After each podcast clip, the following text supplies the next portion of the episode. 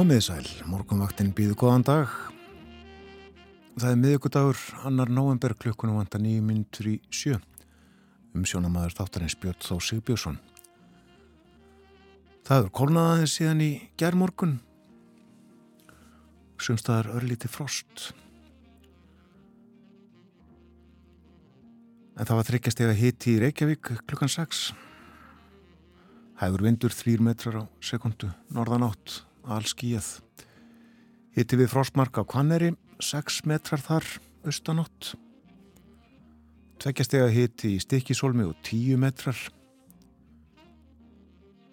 2 gráður á Patrísfyrði og 11 metrar. Einstiks hitti í Bólungavík, lítilsáttar slitta og vindfræðin 6 metrar á sekundu. Einn gráða líka Á Holmavík, allskíja þar 7 metrar, hitti við frostmark á Blönduósi og 9 metrar. Hitti við frostmark á Akureyri, 3 metrar þar. Lítilsáttar slitta á Húsavík, hitti við frostmark, 4 metrar á sekundu. Einstegs hitti á Rauvarhöfn og það ringdi örlítið. Einstegs hitti líka á Skeltingstöðum og lítilsáttar slitta en snjó koma á eilstöðum, einstigs frost, 8 metrar. Fjóra gráður á höfni Hortnafyrði, þar ringdi örlítið og vindræðin 12 metrar á sekundu, en kvassara á kvískerjum 16 metrar þar og ryggning þryggjastega hitti. Þryggjastega hitti líka á kirkjubæðaklaustri, fjórir metrar, all skíjað. Og fjóra gráður á Stórhauða í Vestmanni þar ringdi örlítið en tveggjastega hitti í Árnesi allskíjað fjórastega frost á hverjaföllum tveggjastega frost á Holtaverði heiði og hvernig ætli viðri á okkur í dag? Við konum það eh, norðan og norðaustan 8-15 metrar á sekundu. Rykning eða slitta með köplum, engum um landið norð-austanvert, en það verður úrkomu lítið vestarlands og hiti að sjöstegum mildast síðst. Og á morgun áfram norðanátt 5-13 og það mun rykna öðru hverju á norður og austurlandi en þurft verður og bjart sunnan heiða. Nú helstu Tíðindin sem að fyrirleikja þennan morgunin eru úrslitt kostningana í Danmörku. Og uh, þau rauðu hafðu betur. Mette Freriksen fórsættisráð þeirra henni gekk vel og hennar flokki jafnaða mannafloknum þingsætum hans fjölgaði og rauða blokkin með meiri hluta. Verði farið betur yfir þetta í fréttunum klukkan 7 og uh, með fjöllum um málið í þættinum. En af, það, af þessu tilefni, tilefni af dönsku kostningunum í gerð, þá hlustum við á danskan söng. Þetta er söngurinn að smatta úr Ronju Ræningadóttur.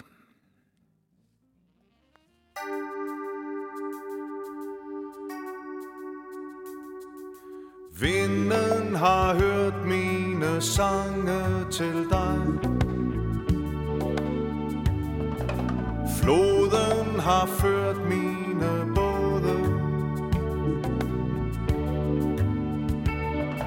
Skoven har gemt dig blandt tusinde hjerter, der bare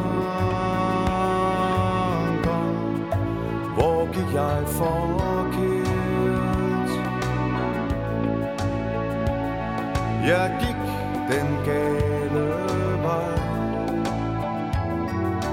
Regnen har pisket og fjernet dit spor. Snart kommer natten alene. Gid du var hos mig Du styrer så blindt mine tanker. Gik jeg forkert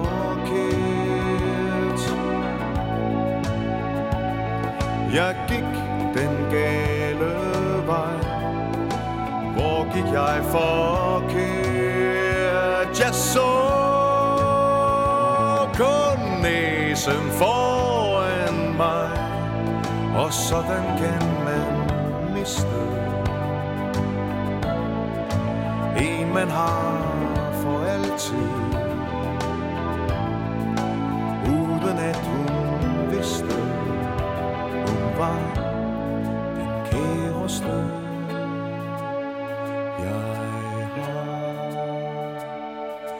Kommer du til mig før natten går hjem? Før jeg går helt fra forstanden? Tro mig, jeg ved, der skal to til at finde hinanden. Hvor kan jeg for?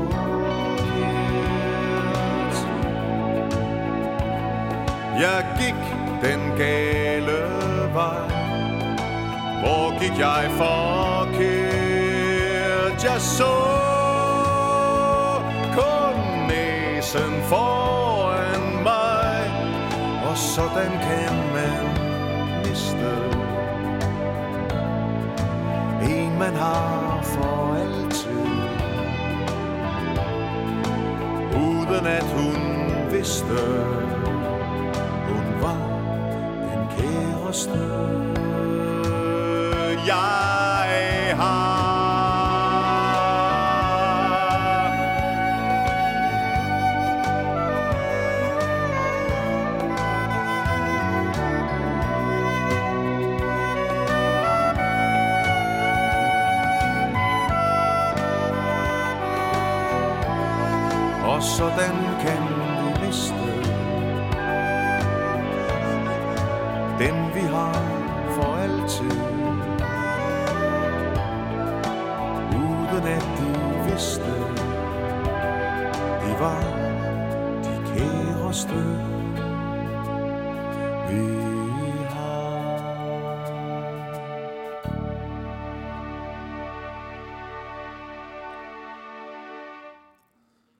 Mikael Búnesen söng þetta lag. Söngurinn að smatta úr Ronju Ræningadóttur klukkan er alveg að verða sjö. Hún fáum fréttir á slæðinu sjö. Og að þeim loknum förum við ítalega yfir dagskrá morgunvaktarinnar þannan morgunin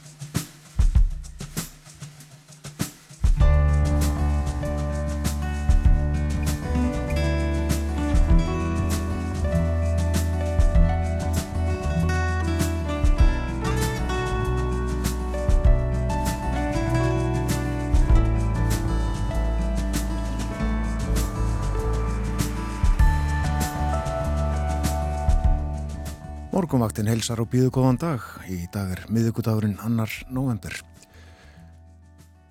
Fólki af erlendum uppruna á Íslandi hefur fjölgað verulega og þar með nefendum af erlendum uppruna í íslenskum grunnskólum. Skólanir eru misvel búnir undir að taka á móti krökkum sem kunna lítið eða ekkert í íslensku og koma kannski úr fjarlægum heimslutum þar sem menning og siðir eru öðruvísi en hér.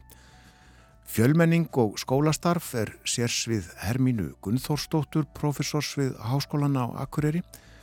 Hún verður gestur morgunvaktarinnar í dag. Ólöf Rún Erlendsdóttir, fréttamaður á Akureyri, ræðir við hana klukkan hálf nýju. Það var kosið í Danmörku í gær, úrslit ljós, vinstri menn undir fóristu Mette Freiriksen fósættisráð þeirra höfðu sigur. Stjórnin helt velli með naumundum þó. Haraldur Bjarnason, fyrirverandi fréttamaður hjá útvarpinu, er nú búsettur í Danmörku. Við sláum að þráðin til hans og spjöllum um dönsk stjórn og þjóðmál.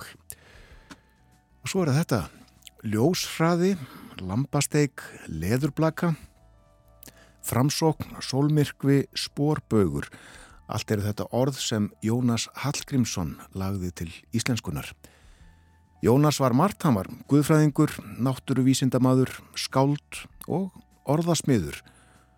Út er komin bókin á Sporbög, nýjirði Jónasar Hallgrímssonar.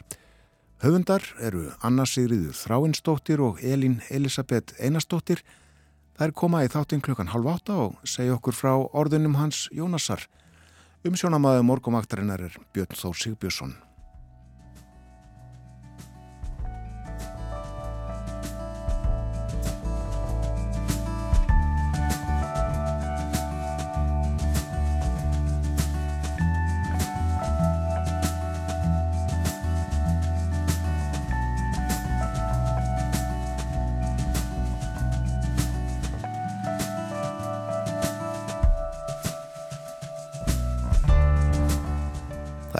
Kaldara á landinu. Í dag heldur en í gerðmorgun hitti viða 2-3 gráður eitthvað svoleiðis og sumstaðar alveg við frostmarkið og slitta á nokkrum stöðum snemma í morgun. En í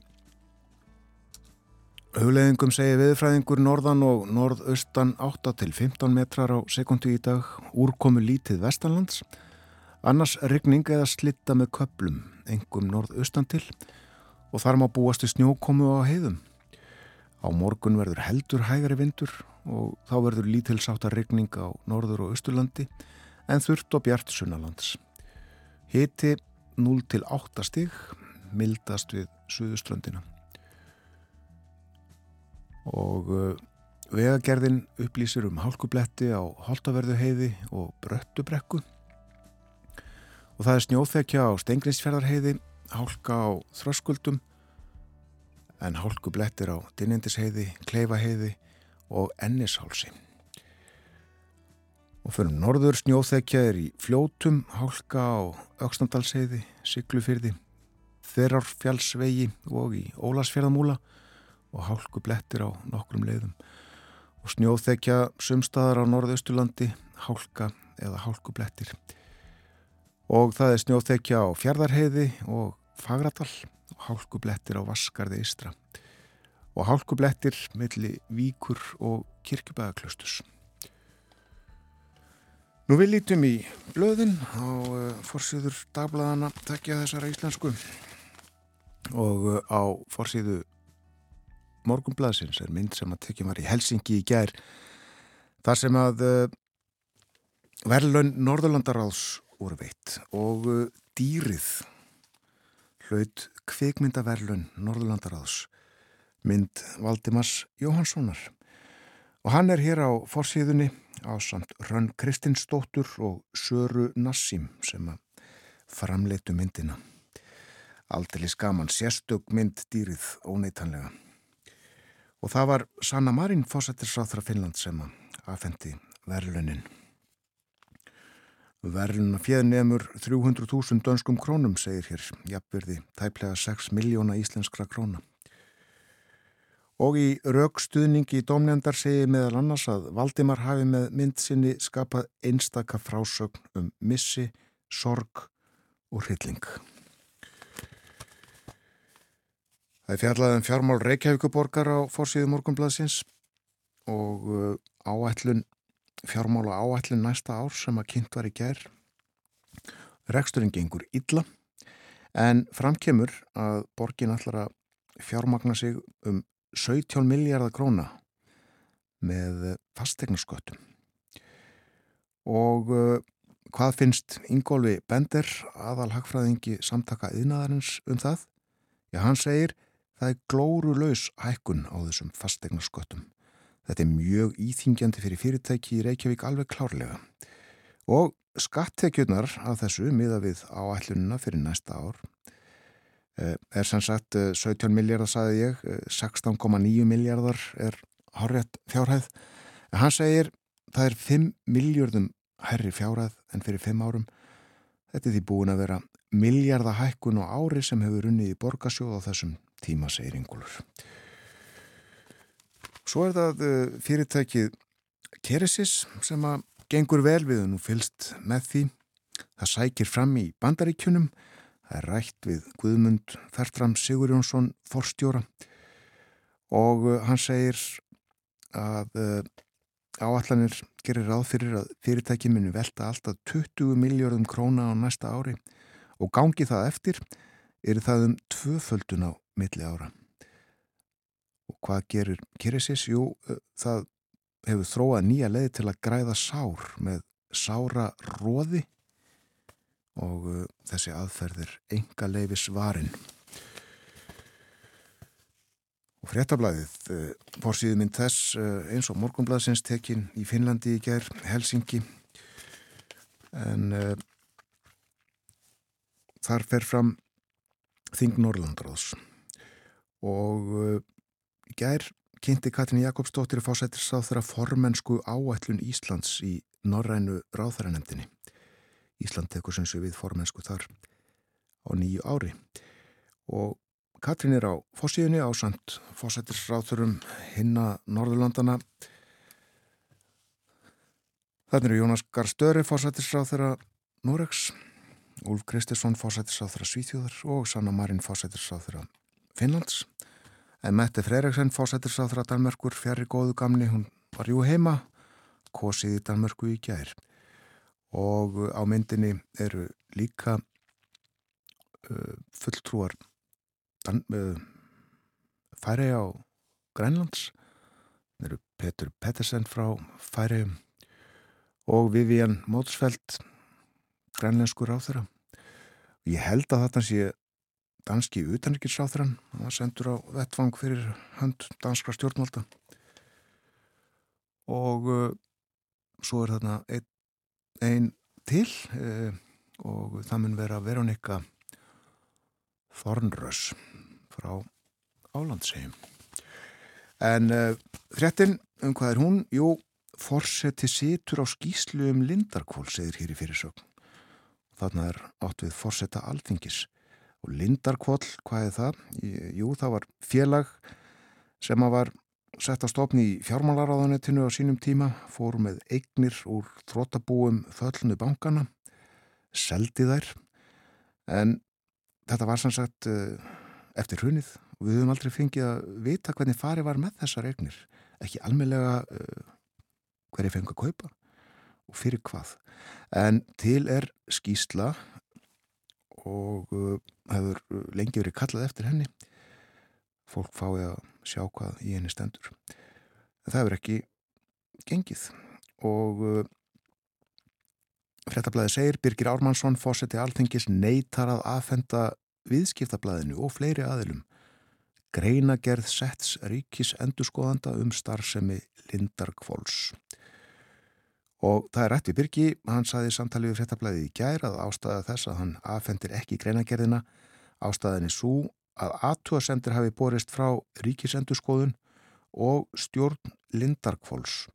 Málið er enn til meðferðar hjá fósættisnemt og aðspurðu saðist Birgir ekki vilja tjá sig um hvort eitthvað nýtt hefði komið fram sem að veldur þessari töf. En uh, blaðið hefur heimildi fyrir því að hörg gaggrinni komið fram á starfsemi þessa félags Lindakvóls í þessari greinagerð. Nú, uh, svo er það fastegnamarkaðurinn á Íslandi en stór hluti leyenda á húsnæðismarkaði er fastur þar til frambúðar. Þetta er niðurstaða nýra rannsóknar Háskóla Íslands. Már Volgang Miksa, lektor í fjármálum, segir um vaksandi vandamál að ræða sem að ítíðundi reyði og óanægu í samfélaginu. Þetta var það helsta í íslensku blöðunum þennan morgunin. En uh, ef að fara til Damerkur, hér er Mette, hlustum á hana, uh, áarpa stuðningsmenn sína í jafnaðamannafloknum danska þegar úrslitt kostningarna lágu fyrir um miðnætti í gerð eitthvað svo leiðis. Kære Danmark, jeg er så umådelig glad og stolt.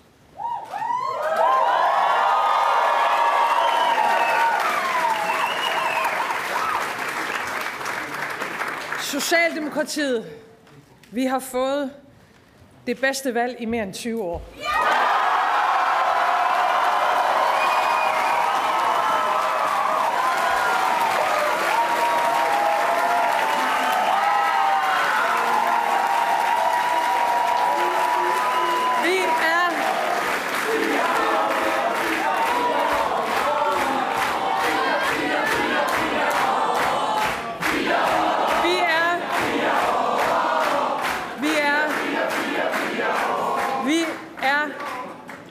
Parti for hele Danmark.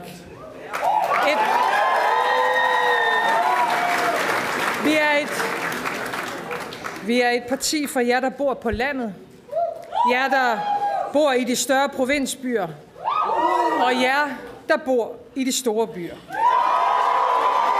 Ja, faktisk... Þetta var Mette í gær afskaplega glöð vitaskuld eftir að úslitt kostningarna lágu fyrir og hún átti svo sem erfitt með að með að uh, klára setningarnar uh, mikil stemning þarna hjá henni eins og sagt er. Mikil klappað og uh, blístrað og rópað og kallað. En ég er glöð og stolt sagði Mette. Við jefnaða menn hlutum okkar bestu kostningu í 20 ár. Og hún sagði líka við störfum fyrir alla dani, fyrir alla þjóðina. Nú eins og ég gatum í kynningu þá ætlum við að fjalla á eftir um Jónas Hallgrímsson og eh, orðin sem hann smíðaði og uh, hafa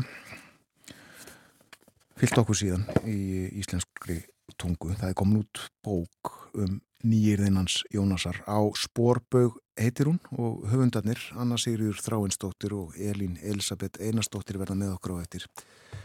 Ég ætla að grýpa aðeins hérna niður í bókina segir hér á einum stað nokkur algeng orð sem engum getur dotti í hug að hafi verið búin til sérstaklega í einhverjum tilgangi eru komin úr hvæðum eftir Jónas.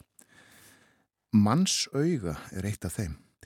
Það er í gamankvæðinu og fer ég nú með titil þess, hann langur Ein nýgjörð og gamansöm bindindis vísa er heitir korki meirann í minna en vestur för velborins herra Brynjóls síslumans P.S.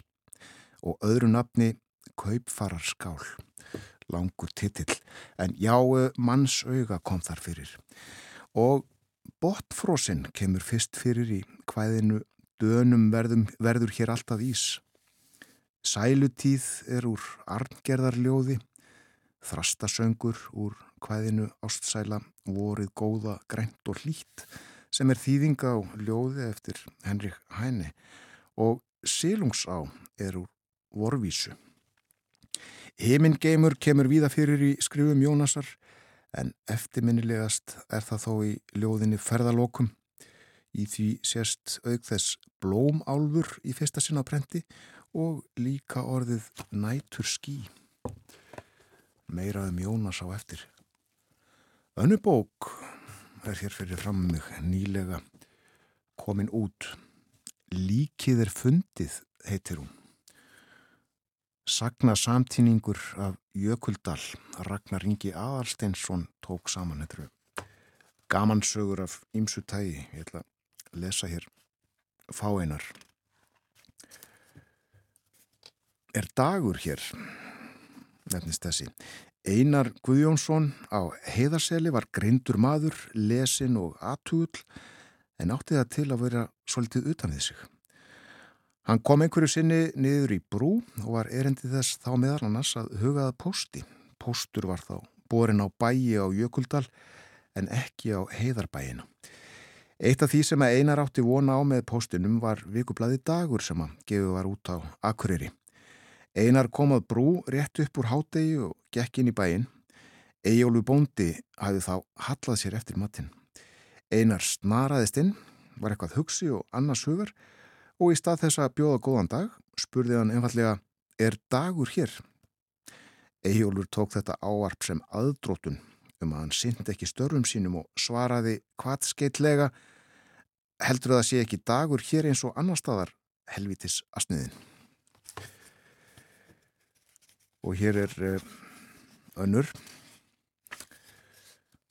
Þessir kommunistar Þórður Þórðarsson bóndi á Guggstöðum á Jökuldal var greindur maður og viðlesin hann var einhleipur og bjó lengst af einn.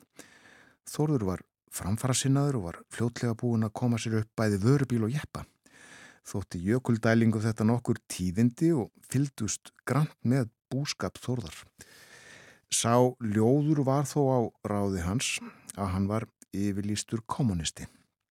Og þetta þótti jökuldælingum algjörlega afleitt og þar í sveit byggu framsóknamenn og sjálfstæðismenn og þeir rifust gerðanum pólitíka og góðum stundum en þeir gáttu þó staðið saman gegn sameinlegum óvinni og kommunismin var að þeirra mati stórhættulugur. Bóndi á Evradal vann um skeiðið skólabyggingun á skjöldólfstöðum og fyldist þá vel með því sem gerðist handan árinar. Og þegar hann kom heim sagði hann eftirfarandi sögu af búskap Þórðar. Þórður leggur vörubílnum í annað túnliðið og jeppanum í hitt til þess að hestarnir far ekki í túnið. Svo ferðast hann gangandi og eftir nokkra þögn bætti hann við svona búa þessir kommunistar. Og eina enn hérna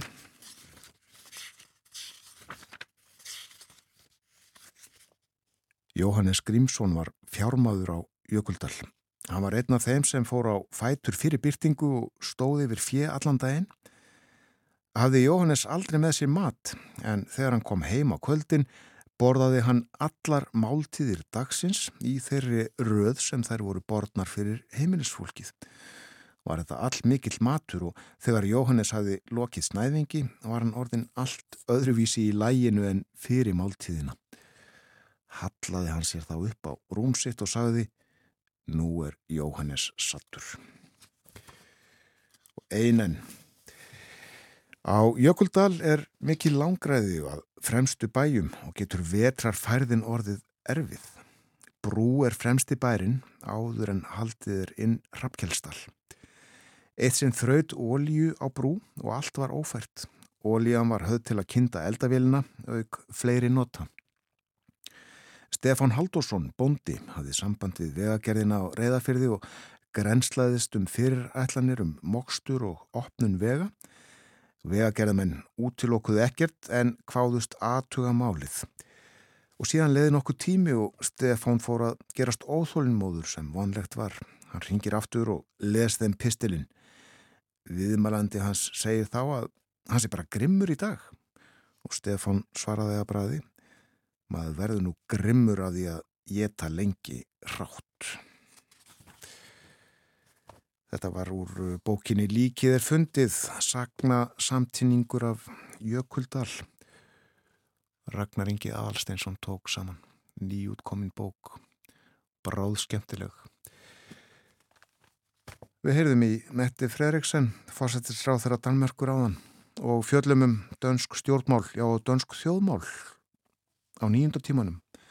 Ringjum til Danmerkur, þar er Haraldur Bjarnason fyrirverandi fréttamaður og dagskákjaraðmaður hjá útvarpinu búsættur en eh, fyrir fréttinar klukkan 7 þá ljökum við danslag hlustum á annað danst hér er Anne Linnet og hún syngur hér um vorið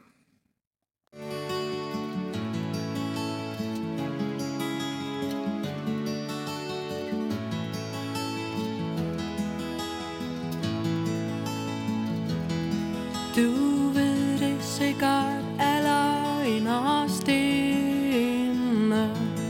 Selvom jeg sjældent bruger store ord.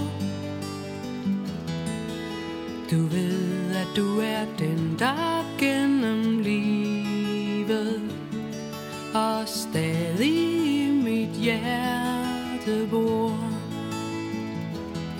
Jeg ved, at al min sidste tid skal leves. Jeg ved, at tiden tæller hjertets slag. At alt det, vi har grædt igennem livet Det svinder på en forårsdag. En forårsdag, hvor solen bare skinner Som da jeg mødte dig den første gang. Og hele verden svandt kun solen så os Og lavede en stille sang. Og det er den, jeg ender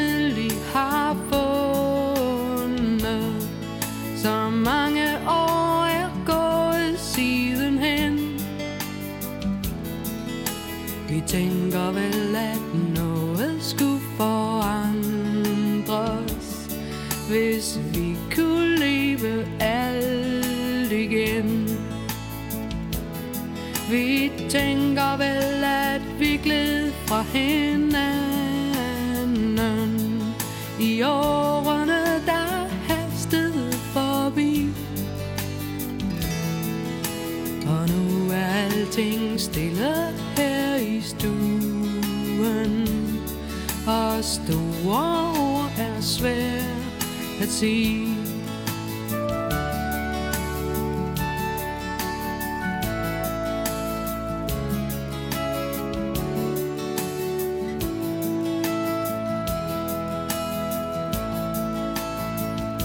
Men du ved det sikkert aller inden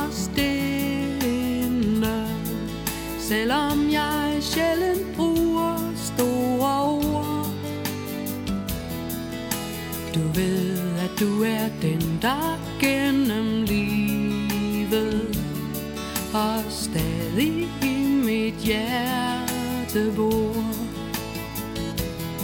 jeg ved, at al min sidste tid skal leves. Jeg ved, at tiden tæller hjertets slag. At alt det, vi har grædt igen, det svinder på en forårsdag.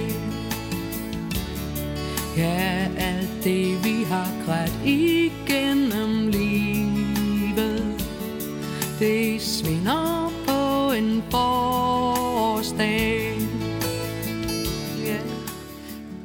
Þetta var hann Linnet og söng hérna um uh, vordag. Framöndan er fréttaðjuliti á okkur á morgunvaktinni fyrst auglýsingar og eftir fréttaðjulitið ætlum við að spjalla um Jónas Hallgrímsson.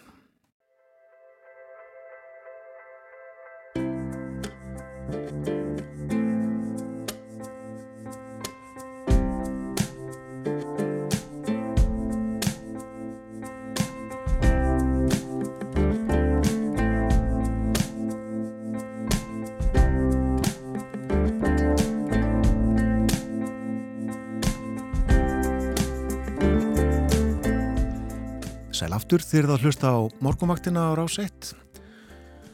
Það er miðugudagur í dag komin annan november, klukkan farin að ganga, já ganga, hún er réttliðilega hálf átta. Og hugum að veðurhórum dagsins, það verður norðan og norðaustan áttalandinu í dag, svolítið kvast sumstaðar, kannski 15 metrar á sekundu eitthvað soliðis.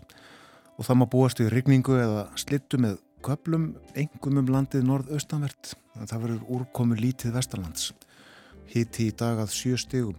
Mér sínist uh, fljótt á litið uh, verða bara svona ámóta veður næstu daga. Alveg fram yfir helgi. Og uh, það er hálka á vegum í það og sumstaðar snjóþekjarunar. Hálkublettir eru á Holtaverðuheiði og Bröttubrekku. Það er snjóþekja á Steingrimsfjörðarheiði. Hálka á Þráskuldum en hálkublettir á Dinjendisheiði og Kleifaheiði og Ennishálsi. Snjóþekja í fljótum og hálka á Öksnandalsheiði.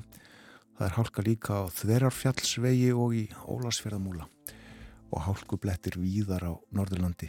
Og snjóþekja er víða á Norðausturlandi eða hálka eða hálkublettir. Og snjóþekja á Fjardarheiði, Fagradal og Öksi og hálkt víða annar staðar á Austurlandi.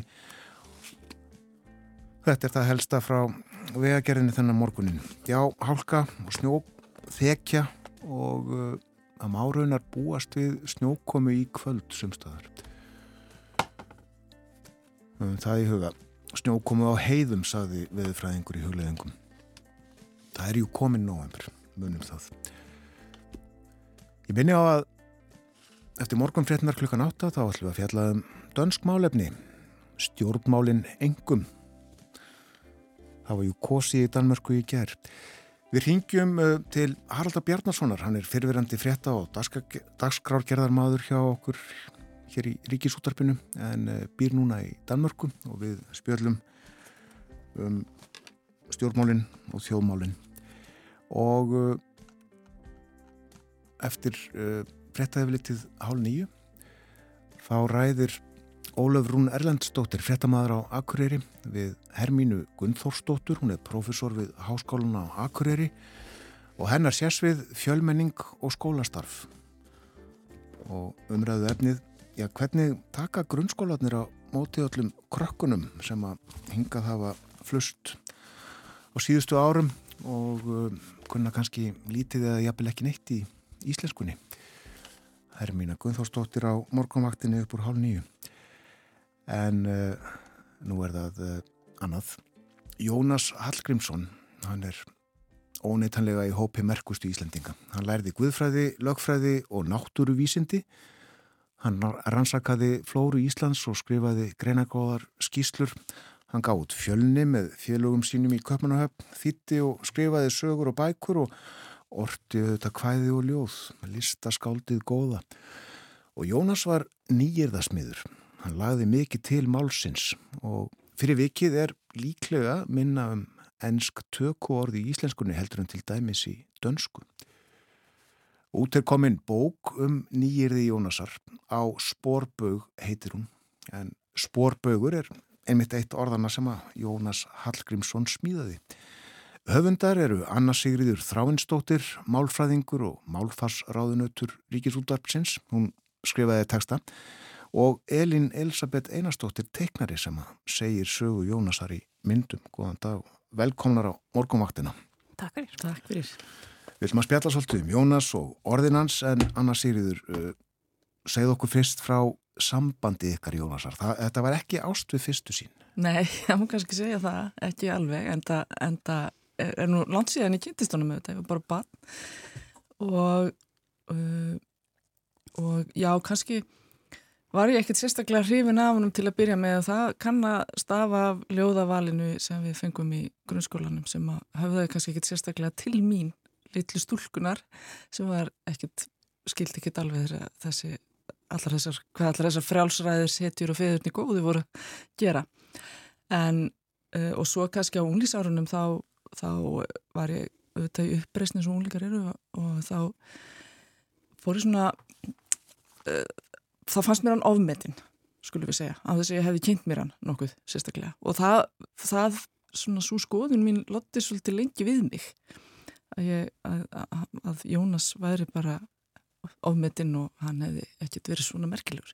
En svo með tímanum þá fór ég að, fór þú svo skoðun að breytast og svo var það fyrir svona umþjóðbíl 20 árum að Heimir Pálsson, sem það var vinnufélagi minn og er góðvinnur, hann bendi mér á nýjirði Jónasar sem ég hafði aldrei pælt í.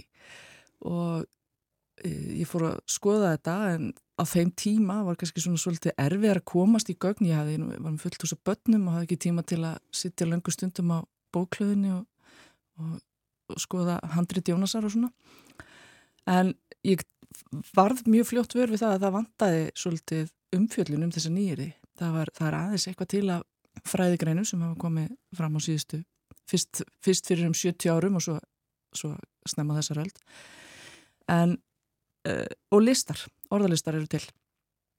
Með með, uh, með svona án, án nokkurar umfjöldunar og svo komum við þetta tíðuskrana seðildin sem að sem að uh, jók svolítið aðgang okkar að, að nýjirðunum en an, engin umfjöldunum þau, ekki þannig.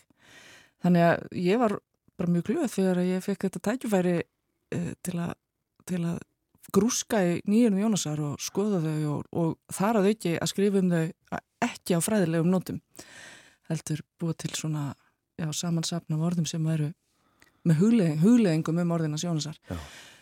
og ég verð nú bara að segja það eftir að ég byrjaði þessari, þessari vinnu þá, eh, þá er, hef ég tekið miklu ástfóstri við Jónas Þannig að þú uh getur fallist á það að hann sé hópi merkust í Íslandinga eins og ég saði í yngangi. Já, ég er alveg komin á þá skoðun. en Elin Elisabeth, hvernig var að gera grein fyrir æfi eða, eða sögu Jónasar í myndum?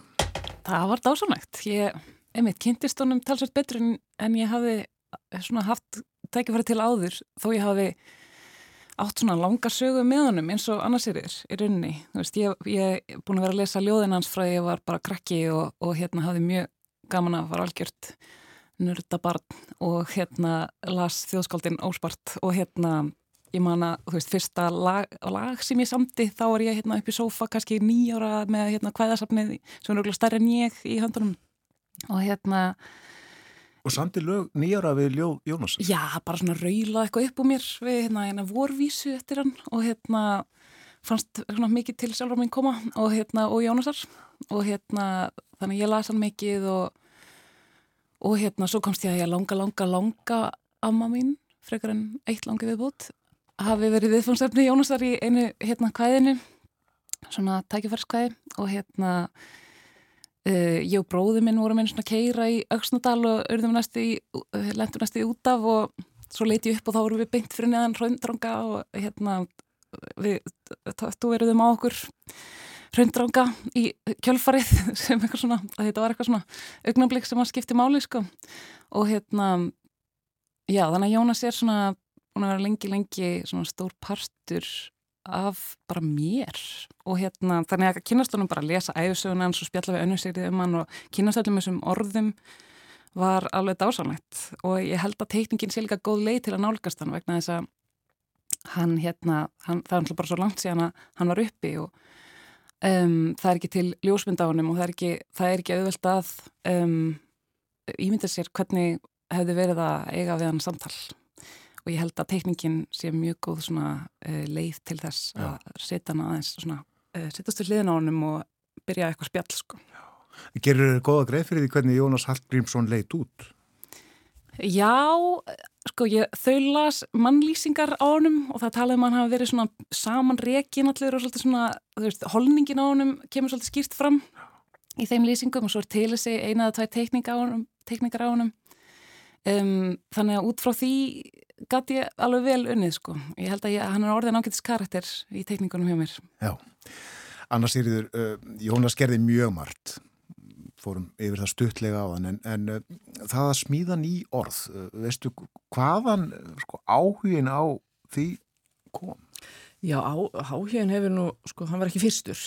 Hann áhugin kviknar held ég alveg örglega þegar hann er við námi í latinskólanum og, og lærimestrar hans þar lögðu mikla áherslu á uh, að nota íslensku orðumál hreinsunastefnan var nú alveg komin á, á flug á þessum tíma uh, það var líka byrjað að þýða ymsar uh, náttúrufræði bækur og greinar strax á átjönduöld og, og þar kemur, þar koma all mörg nýjirði fram líka sem Jónas nýtir sér sjálfur síðar bæði skrifum sínum og þýðingum.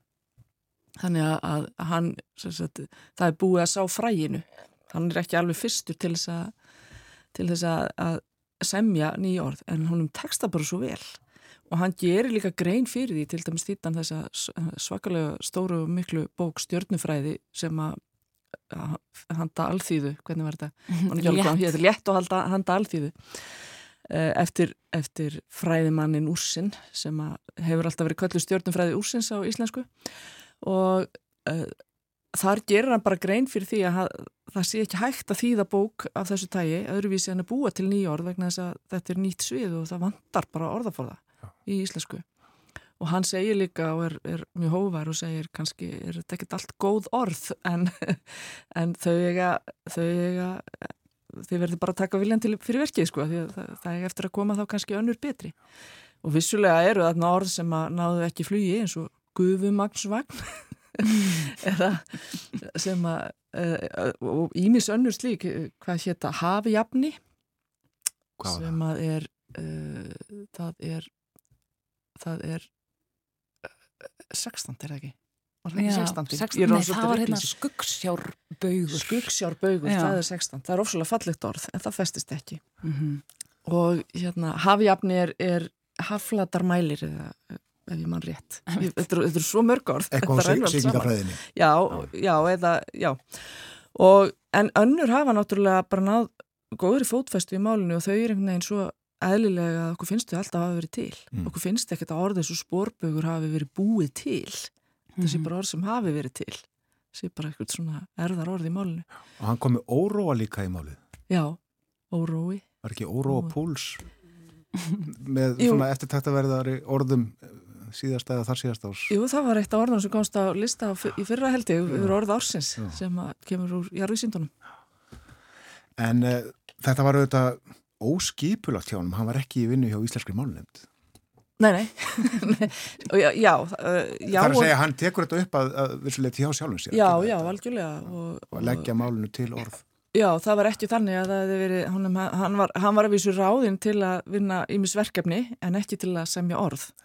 En það var hins vegar afleðingin af því að hann bara, hann hafði líka og eins og þau fjölnismenn svo brennandi áhuga á að, á að uppfræða og upplýsa fólk og færa samtíðar menn sína nær nútímanum, myndi ég segja, vegna þess að kannski eh, höfðu Íslandingar ekkert haft neitt sérstaklega mörg tækifæri til þess að læra um vísindi og fræði Mm. og, og þarna komu fjölda mörgar bækur sem að voru svo notaður áfram Já. eftir hans dag. Og þetta voru ekki bara uh, vísindi og fræði lambastegg. Já, einmitt. Lambasteg sem að við, það okkur finnst vera að há, bara hestamáta eðlilegt orð, þetta er bara gaman vísu að, og, og hann var líka, sko, þetta var samið í, mörg af þessum orðum voru samin í einhverjum hálkjaringi og, og gríni bara, og sérstaklega í svona grín og gaman vísum. Já, það er einmitt áhugavert að, að mörg koma fyrst fyrir einmitt í vísum eða, eða kvæðum. Já, og það er kannski svolítið munur af því hvernig orðin eru í, eh, í, í, kveðskap og í, í, þýðingum hans og, og náttúrufræði skrifum af því að orðin sem að koma fyrir í skrifunum eru, og, og þýðingunum eru, eru þetta mest einhvers konar fræði orð. En þó ekki engangu, er, sko þýðingarnir eru bara svo, það eru svo leikandi og léttar, það, er svo, Mm. það eru svo skemmtilegar aflistrar að maður gleymir yfirleitt að maður sé að lesa þýtan texta. Oft vitum við nú af því ef við erum að lesa þýðingar því það er svona ímis merki, merki um frummálið í, í þeim en, en það er ekki, ekki í þessum þýðingum. Það eru bara svona fljóta ofsalega vel og það er fullt af orðum sem að við eigum ekkert endilega sem sem er ekkert endilega með fræðilega tengingu en koma fyrst fram þarna. Já, En í kveðskapnum er hann ofta að búa þessi orð til bara í einhvers konar fagufræðilegum tilgangi. Mm. og framsóknarmenn hugsa lítil hans. Já, já, Hann kom með framsók. já, Já. já, já. En var nú líklega ekki að hugsa um stjórnmál þá? Nei, líklega ekki. Þetta er stjórnufræði hugtak. Akkurat. Akkurat. Er nákvæmlega að vita hversu mörg orðan smíðaði? Nei, ég held að það sé ómöld að segja. Við getum ekki alveg vita nákvæmlega hvort, hann, hvort að öll orðin sem eru mjög líklega eftir hann eða koma fyrst fyrir í rítum eftir hann eru, eru frá honum komin en hann fær svolítið slaka hérna, við gefum honum það. En orðin sem við erum með á listum í bókunum, þetta er eitthvað bara um 1400 orð ef ég maður rétt sem að, sem að eru nú samt sko hversi mér hefði geta búið til mörg þeirra en svo eru þarna inn á milli orð sem eru bara alveg einstök. Eða stærstu parturinn myndi ég segja. En uh, það, er, það er ekki hægt að vita hvað hann bjóð til mörg orð. Það er eiginlega útilokað að, að því að það er náttúrulega 200 ár cirka síðan þessi orð voru smíðið Það er rétt. Elin, eh, áttu þeir uppáhalds orði eftir Jónas? Þau eru dálítið mörg held ég, en ég var svona komið skemmtilega óvart að hann hefði búið til orðið ókeipis, annað orð sem maður heldur að sé annarkvort mjög nútímalegt eða hafði bara alltaf verið til. Og mér finnst líka gaman að hann gerði orðið jarðlíf sem að við erum orðin svolítið svona vön en það er samt hefur enn romantíska blæ sko. Og hérna talandi um órápúlsinu þá gerði hann líka eldsumbrott um, þannig að það er svo, það er svo margt í sig veist, og, og hvert og eitt hefur einhvern veginn Já, það er svo mörg þeirra sem hafa þennan svona ljóðræna fagafræðilega blæs sem, sem að gefur þeim þetta framhaldslíf sem að veldur því að við séum ennþá að nota því í dag, held ég. Sporbögur, já, uh, á Sporbög heiti bókin og þú teiknar Sporbög þetta í bókinni eins og svo margt annað. Skemmtilega teikningar aldeilis. Uh, og sundið, við höfum eftir að tala um sundið, bringusundið frá honum. Já, hugsa sér Það er mitt mynd á honum á Já. hérna Já. einmitt. Já, hann, hann þýtti og þeir fjölnismenn þýttu sundleifinningar uh, og vegna þess að þeim bara rann það til rifja hvað margir druknuðu á Íslandi og hvað, hvað, hvað sundkunnátt var fágætt. Þeir eru ekki um að sex manns hefðu Jú, að þeir segja það. Ég held að sko formálin að sundleifingunum er alveg stórkostlega skemmtilegur og fyndin og, og það er sagt frá því að menn hafi frekar valið að þingja sig og vaða yfir, yfir vötn heldur en, eða ára vötn heldur en að, að grípa til þeirra eðlilegu leiðar að synda og uh, þar, já, þar eru, það er nú aðteglisvert að þessi bók eins og, eins og ymsar kjenslubækur 19. öld eru, eru ætlar piltum, stúlkur höfðu ekkert við það að gera læri synda. Þannig að það er alveg sérstaklega að tala til sundpilta og það er fullt af svona sund orðum, sundpiltar og sundkjenslumenn og, og svo framvegs en, en hann bjóð til orðin svo, þetta er í rauninni má segja tökuþýðingar en ekki alveg svona beinar tökuþýðingar eins og, eins og oft er uh, af því að, af því að uh, hann tekur, tekur svona aðeins tvist á þeim. Mm. Þannig að bringusund og baksund eru frá honum komin og líka orðið svo sundök og ímislegt svona fleira sem að bara tengist og sínir líka bara hvað er auðvelt að mynda orð að búa til mm. orðið svo sundpiltar eða sundkjenslumenn sundstæði Ég hafði svolítið gaman af hengigjörðinni það var mjög gaman að teikna mann hangandi í hengigjörð sem var til þess gerða læra senda Já, hengigjörður eru ekki til að hengja nefni heldur hanga í En er eitthvað sem að enginnir orðinans Jónasar? Aðalega fjölbreytnin. Þau eru alveg geysilega fjölbreytt og, og þetta, þetta eru langmest nafnorð og lýsingarorð það er ekki mörg orð af öðrum flokkum. Eitthvað um sagnir samt. En, en eh, aðtíksorð eru færri en það er það kannski minni flokkur. En eh, já þetta er það sem, það sem að mér finnst einnkjana þau er eiginlega bara hvað þau eru eru alltaf virðast hafa þau eru svo auð, þau verðast að vera svo auðvelt að honum svo auðvelt að mynda þau. Mm. en kannski hefur hann samt sem áður eitt heilmjölu púðri í að velta fyrir sig hvernig best verður að orða þau. Og svo finnst okkur þau í dag svo mörg allavega lýsandi. En það var kannski ekki hægt að segja um það þá þegar þau komið fram fyrst. Kannski ekki, ekki þau sem að ekki, sérstaklega ekki orð sem eru kannski af svona erlendum stopni en, eh, en Jú, ég hugsa þau hafi alltaf verið frekar gagsæ og það er eiginlega, það má segja kannski að hann hafi þar með lagt línutnar vegna þess að þegar verið að tala um hérna, hvað íslenska sé stórkurslegt mál svona á háttíðum og tildögum þá, þá er gætnan greipið til þess hvað orðmyndun er gagsæ í íslensku og ég held að Jónas eigi alveg sinn þátt í því. Uh, og hann kýs nú að því ég nefndi að hann taki nú orð nýjirði úr eldri heimildum í sínar þá, þá kýsa nú stundum að nýta þær ekki af því að það sé ekki nógu, nógu gagsæðir eða nógu auðskiljanlegar. Þannig hann svona laði kannski línutna fyrir það hvernig orðmyndun hefur verið sérstaklega svona íðorðamyndun Já, já. Og uh, mörg orð frá Jónasi notu við enn þann dag í dag uh, segi ekki ótal mörg en mjög mörg allavega eh, orð sem eru nánast í ennsku bara í danski tungu, svo dæmi sér tekið. Á ennsku þar að segja. Já, já, já. Það, um, það er rétt en svo komaðu líka svolítið úr þýsku. Danirnir leituðu svolítið þangað á 1912 þannig að Þannig að, en núna eru Danir kannski þekktari fyrir að taka upp mörg ennsk orð, en við gerum það líka. Við gerum það líka. En við erum alltaf að búa til nýsamt, er það ekki? Jú, jú, jú. Við erum, sko nýjirasmíði er mjög virk og aldrei, öll búum við til orð á hverjum degi. Það held ég að segja alveg hægt að segja það, því að við tökum einhver orð og skellum saman í nýtt eða mm. setjum nýviðsketti á eldri orð eða eitthvað þess að þar. Þannig, þannig að uh, það er eitt merkjum lifandi mál að það sé virkt í orðmyndun. En svo er bara fjöldin allur af íðorða nefndum starfandi í landinu þar sem fólk er að bara fást við það að íslenska hugtök og, og búa til íslenskan fræði orðaforða og, og svo framvegis. Já. Og svo eru þetta ljóð alltaf vettvangur nýra orða. Jónas er viða. Elin, eh, hvar var Jónas ef hann væri með okkur í dag?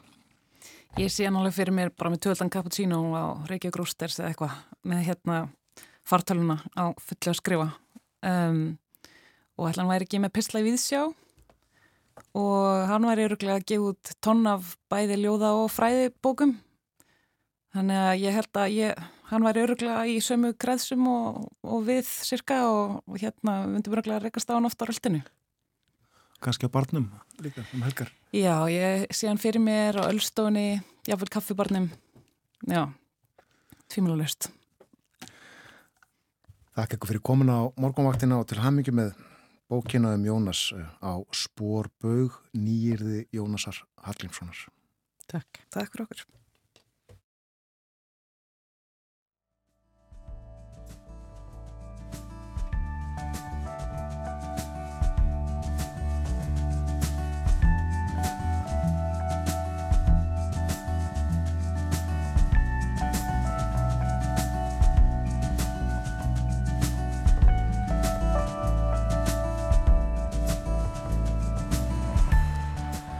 Þetta voru Anna Sigriður Þráinsdóttir og Elin Elisabeth Einarsdóttir.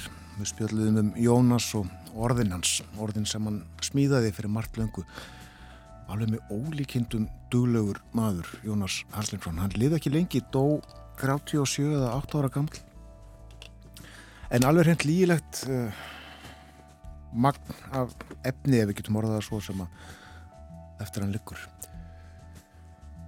Framöndan eru fréttir, kom eftir 5 minútur á slæginu 8. Eftir fréttirnar ringjum við til Danmerkur við spjöldum við Harald Bjarnason um dönsk stjórnmál.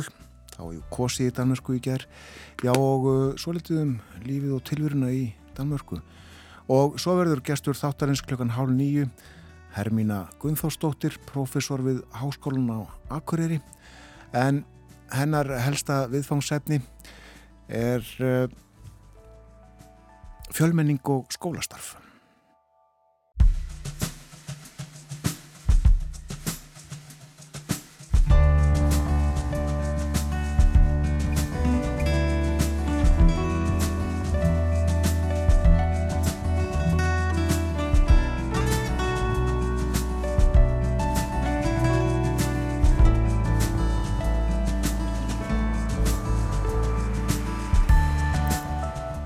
Sæl aftur þér að hlusta á morgunvaktina á Rás 1.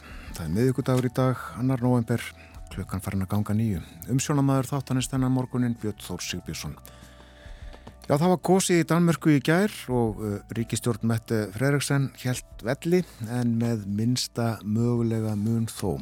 Við ætlum að tala um úrslitin Dönsk stjórnmál og danst þjóðlíf hér næstu mínútur við erum komin í samband við Harald Bjarnason sem var lengi fréttamaður og dagskákjæðamaður hjá útarpinu en býr núna í Danmörku. Heil og sæl og góðan dag Haraldur. Já, góðan dag Björn Tór.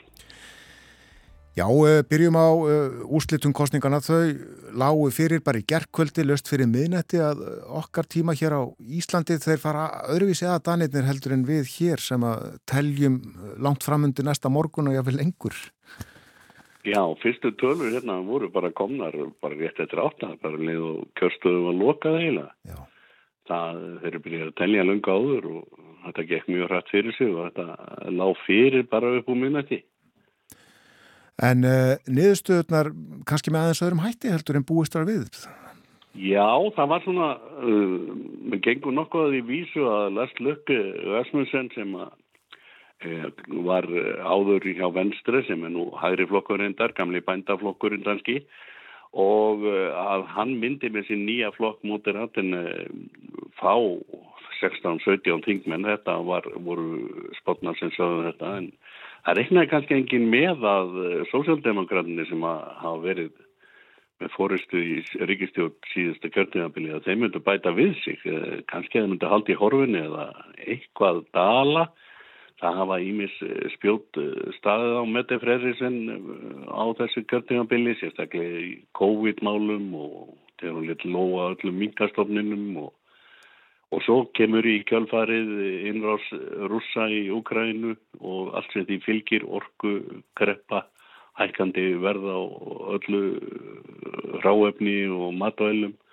Þannig að það verið svona ímisfjótt sem hafa staðið á henni og hún náttúrulega, eða kostningar eru til eftir að radikali venstri hafði neitað að, eða vildi ekki stiðja hana áfram út af minkamáluna aðalega. Þannig að radikali venstri fekk svolítið skelli í þessu kostningu líka þannig að hún kannski stendur uppi með bálmann í höndunum og metið eftir þetta. Já, má segja að þetta sé kostningarsigur og besta kostning gefnaða manna í tvo ára tíu. Já, 21 ár. Já. Það verður ekki verið meira. Við spjöldluðum aðeins í síðustu viku þá skildist mér áður að það væri heldur döft yfir kostningabarátunni. Æstust leikar? Já, þetta var sko, þetta er náttúrulega bara brátt að, það er ekki langur aðdraðandi þessu, það er eitthvað mánuður eða svo, rétt rúmur mánuður. Og svo fannst mann eiginlega ekkert gerast í þessu, maður sá spjöldin koma upp í síðustu viku, það danirnir hengjaði spjöld á ljósastöra og hér var hver einasti ljósastöður í þessu litla bæ okkar hérna, Lóhals á Langaland, eh, þakkinn kostningaspjöldum og uh, svo var það ekki fyrir bara um helgina, neða bara núna, síðustu dögum, kannski í lögatarsunda mándag sem að er eitthvað eh, hasar í þessu í, í, í sjónvarpinu og, og umræður og mjög skemmtilegt að fylgjast með og fróðlega að setja upp hjá þeim. Þetta gekk alveg ótrúlega flott hjá bæði DR og, og TV2 með alla þessa flokka, 14 flokkar. Man fannst eiginlega ótrúlega hvernig það komið þessu alltaf og hvað þetta var skipulagt og útsendingarnar hjá þeim. Þú rósar þeim, en uh, umræðurnar eða hvað ég var að segja, pólitikinn sjálf, uh, er hún með svipuðum hætti og hér á Íslandi?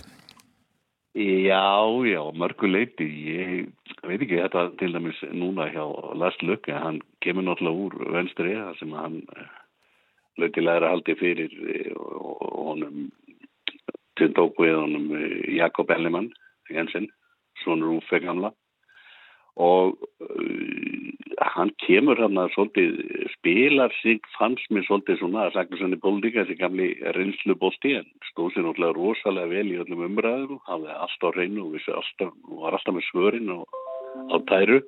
Hann fann svona svolítið kannski að, að hann væri hérna hann er að spila svona svolítið hann segist alltaf að vera á miðinu og var tilbúin til að vera með hvorri blokkinu sem var er vinstrið að er og kannski var þetta komið, að náða komið hjá fólki sem var svipuð og frásnum að gera í borgin í Reykjavík sko, er ekki bara best að kjósa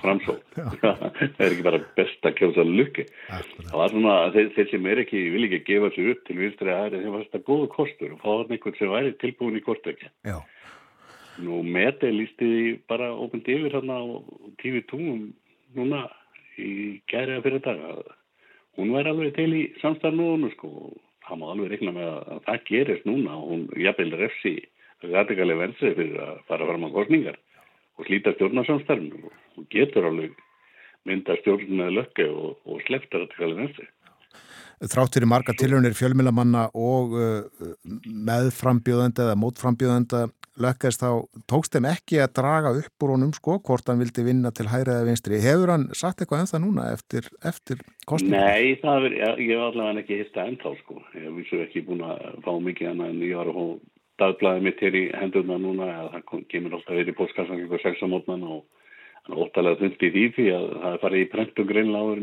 endalega úslitt lága fyrir Það var nefnilega í gæra fyrstu spár, það er bent ekki til þess að sigur sko sósjaldemokrata. Það voru meira svona, það var mjögt á mununum um tíma, það var bara 8-10, já 8-10, 79 held ég að verið að tæpa stóð, millir blokkana. Já. Enda svo í 8-10, 72 og, og lökkaði með 16. Svo komaði náttúrulega að það vilist vera í döngu stjórnmála svolítið já, svona upprýsa bera árangur að slæmast úr einhverjum að gamlu rótkonum flokkunum og stofna nýjan því að Inge Staurbæk sem var nú dæmt út á þingi reynilega og aflónaði með öklabandi einhverja mánuði að hún kemur með 14 þingmenninn í sínu nýja flokki dansku demokratunum. Alveg rétt. Það er meira heldur en spárgerðu ráð fyrir. Já, já, miklu meira en, en hins vegar gamlu flokkur hérna Dansk Fólkjöparti, það tapar sko 6 þingmann, fyrir 11 í 5. Já. Þetta, þetta er sko, svo er hérna frjálslinduflokkur sko liberali, hann, hann hérna fær líka 14 þingmann. Og þessir eru bara alveg upp að hliðin í hérna á, á Lukka og, og SF sem er 15. Venstur er náttúrulega beigð alveg hróðalegt afhróð og hann það eru sko, þeir voru mistið 20 þingmann. Það er skellur. Sem er, það sem er mjög meira heldur en bara lökkaðið að taka, sko, hann til um 16. Þannig að það svona fjóru út af sem taka annar stað. Það voru, það voru 14 listar á kjörselinum, náðu allir þingsæti? Nei, ekki tveir. það eru hann einhverjir, ég veit ekki hvað heitir, frí að geða, ég var nú ekki alveg hvað þetta heitir. Og svo kristilegi demokrata, hvorur þeirra náðin, sko, fengur 0,9 og 0,5. En það þarf ekki nema 2% til að komast inn í Danmark og það er kannski munur á Íslandi, það er, er 45%. Alveg rétt.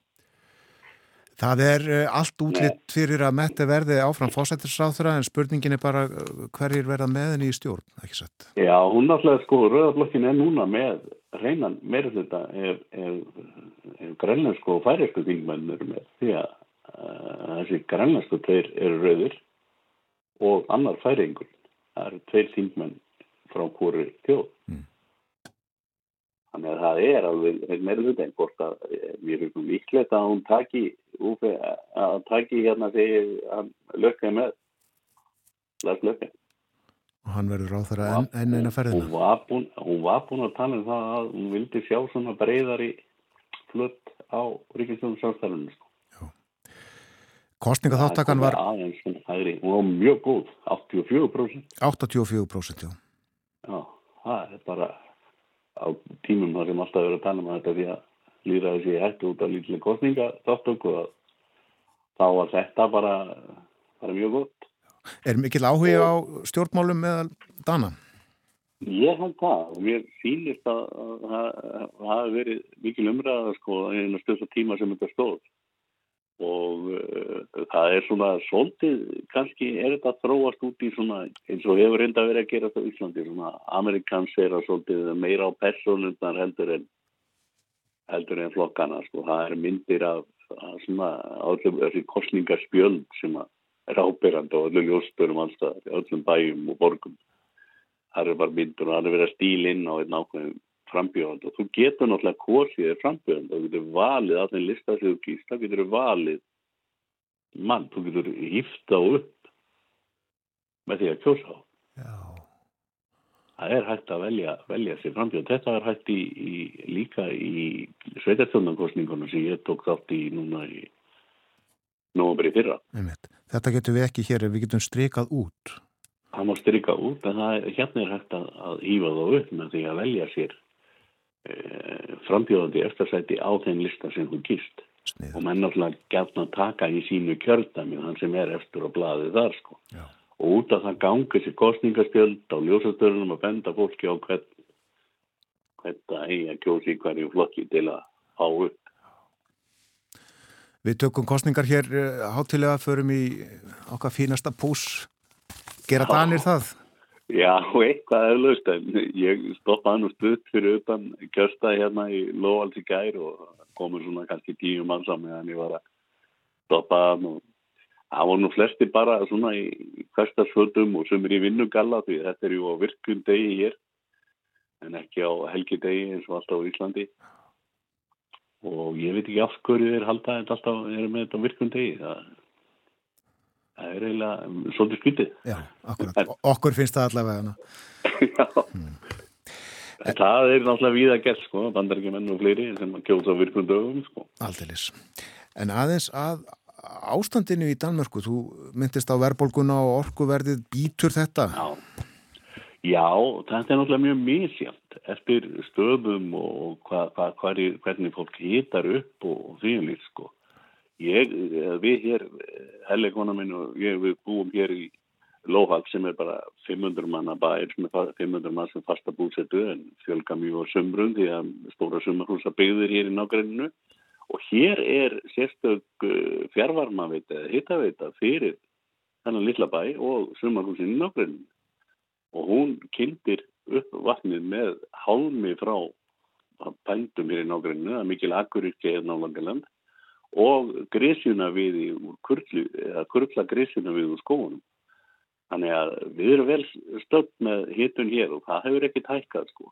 En þeir sem er að nota gas eða ramagn, ramagn náttúrulega í, í þessa það e, sem flestir hafa verið að taka inn hjá sér hérna, til að hita upp, e, hvað kallaði þetta, varmapumpur, varmadælur.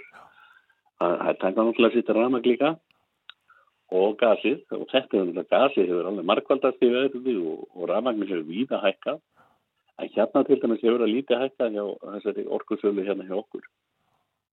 Það er eitthvað aðeins en ekkert sem við verðum verið það notum ekkert mjög mikið rafmagn Nei, já, já. En þér, þér þykir þessi leið til húsituna líklega ágætt, eh, varst jú á héræði lengi? Jú, jú, þetta er bara mjög gott og þetta var nú notað og sett upp svona kynntistöð í Hafnarstað og sínum tímum meðan ég var fyrir Östland sko. Já. sem kynnti mér bara kulli. Þannig að þetta er bara fínasta sko og nýta ráefni sem er til staðar. Þessi halmur frá bændum er náttúrulega óhefum mikil við erum svo mikil akkuryrkja að það er bara að pakka þessi tétta bakka og síðan er þetta bara skorinn niður í jobnin það er bara eins og, veit ég hvað. En það æmir ekki frá þessari brennslist og það sést ekki reykur frá henni eða neitt. Sniðut. Segð okkur eins meira frá uh, lífinu þarna í Lóhals. Já, þetta er svolítið þetta er skemmtilegu staður. Við erum hérna við Suður Fjón. Langaland er eiga sem er já, 50-60 km lang og 10 km breið þar sem hún er breiðust og alveg niður í 5 km ég segja og þurfur aldrei að vera sko, og þetta er lengri en 5 km frá sjó. Já. því að hún er 5 km þar sem hún er mjöst og 10 km þar sem hún er breiðust og auðvitað inn á miðjunni þar þá var þetta ekki nema 5 km frá sjó. Í þessum eh, litla bæ sem við erum í sko að þar er þetta var það er góð höfn hérna. Hún er nú, nýtt fyrst og fremst núna fyrir sportbáta hún fyllist á sömurinn og það vantar hafnaplássið út á sömurinn á sportbátum, það er bæðis tvískipt annars veður sportbátan og eins vegar svona gamla fiskihöfnin. Og það er lítil sem engin útgerð hérna þá, ég held að það er tveir bátar hérna róa með net og svo er bara erum hann að leika sér með, með stöng og einhverjir er að leggja net. Þannig að þetta er, þetta er svona leifar að sjáplasi mjög minnir um allt á, á litlu sjáplásinu á Íslandi en svo er skóurinn hérna svo öflugur, það er stór skóur hérna og áður fyrir voru hér nýttjar úr skójunum og sögunamilla hér í bænum og ég var að lesa mig til í sögulega fyrir 120 árum að það voru siglingar hérna með timpur, með epli, sigur og fleira frá Íslandi, nei frá Danmark, frá Lóal til Húsavíkur á Íslandi. Já, já. Og það var samstarf útkennamanns hér í Lóhals og Guðjónsens kaupmanns á Húsavík. Og maður það bara sökkur sér betur í að skoða þetta og þessi Guðjónsson flutti svo síðan hér til Lóhals og byggði sér hús hérna. Já, þeir voru með, þetta var um aldamótin 1800-1900. allir þessi Guðjónsson. Guðjónsson kaupmaður sé forfæðir Arnórs og, og þeirra þetta. ég var að velta því fyrir mér en ég skilst nú að þetta sé ekki sami leggur. En Já, já, manni fannst það svo líklega þegar maður heyrði það. akkur. Ég lasi þetta inn í gammalli sögubók. En annars núna bara er, það hefur verið mjög milt veður. Oktober er eh, bara hlýjast í, í danski sögu í langan tíma. Það verið, held að verið 12 stig. Það verið svona 15 til 17 stig hér við daginn. Þeir nýri svona 10-11 á nóttunni. Og núna eru, er bara sólinn komin upp og, og ég horfi hér út í garðin og það er fasani að gæða sig hérna á kottinu frá mér hérna út í garðinu. Hann byrjaði að venja að koma sinni yngaði fyrravetur og byrjaði að ég gef hér smáfuglum í svona fuglahúsa upp á staur og það reynur alltaf smávegis niður frá smáfuglunum og hann svona nýtti sér það og var að geta svona mólana sem að hlutu frá þeim smáu hann er náttúrulega markvaldur og starf þannig að þetta var eiginlega bröðmóla kenningin svona í öfugu samingi Já, einmitt. Glæsilegu fuggfasann eða ekki. Já, mjög glæsilegu sko, kattfuglinn og svo kemur konuna smiðunum og svo byrtust þau hér í vor með tvo unga sko Já, já, já. og, það er að nú er þetta bara komið aftur í sama horfið ungarnir og að, já, annar ungin kemur nú reglulega hérna svona og fæsir en hinn ungin og, og kellan hafa ekki sérst núna þannig að þetta er þetta er þessu leikustar út en maður ykkur hafa leikustar þetta er alltaf veittir á einu grimm Já, já. En þannig er mikið fuglalíf. Já, já, mikið líf hérna, mikið fugglíf í tjónum og skóur hérna allir kring og, og það er eh, bara þið besta viður núna, stafalótt. En samt höst, það eru höstlítir á tjónum og lögum detta af. Nefna að beikinu, það heldur eiginlega laufin alla veturinn þó að bara fannar. Já, já. Og beikið er nú þjóðatir dana og skóunni hér er að uppstöðu beiki. Það bara er laufið dettur ekkit að því fyrir að nýju laufin koma og rindaði á burtu. Það er bara vori. Já. Jæja Haraldur, uh, þú fylgist Já. áfram með, með uh, stjórnmálunum er það ekki? Að Já, ég fylgist með með og þetta netti? og. Já. Þetta er, eh, þetta er gott að reyna til að, til að þjálfa sér í dönskunni, sko, að reyna að fylgjast vel með öllum fréttum. Ég gerði strax áskrifjanda dagblaði hérna til að, sem er svona lokal og fyrir fjón og til að hérna, auka orðaforðan og komast betur inn í þetta. Það er Akkurat. svolítið merkild að við sem vorum, þú komst nú að leysa af í svæðisútarspinnu austur og hér aðeins undir Björn Þór Já, og þar vorum við Jóhann Hauksson. einmitt. Við, við erum báðið bústur í Danmörku núna En ég er hér á Íslandi. og þú, þú vart að þvæla það neða í suttanum og klittunni. Við segjum þetta gott í dag, það var gaman að heyri þér Haraldur Bjarnason. Já, Bless, bless. gaman að rifja tíman með rúm og, rásitt. Gott að heyri þér. Takk, takk fyrir mig. Haraldur Bjarnason í Danmarkum. Var lengi fréttamaður og dagsákjörðamaður hjá útarpinu á Rásett, sjónvarpinu líka, lengst af á eigilstöðum. Og eh, já, hann rifjaði þarna upp löngu liðina tíma. Við fáum fréttaeflit eftir 5 minútur, fyrst auglýsingar og eftir fréttaeflitið þá ætlum við að tala um uh, skólana. Hvernig taka þér á móti krökkum sem að hinga flytjast frá öðrum löndum og kunna kannski lítið eða ekkert í íslensku? Meira en það á eftir.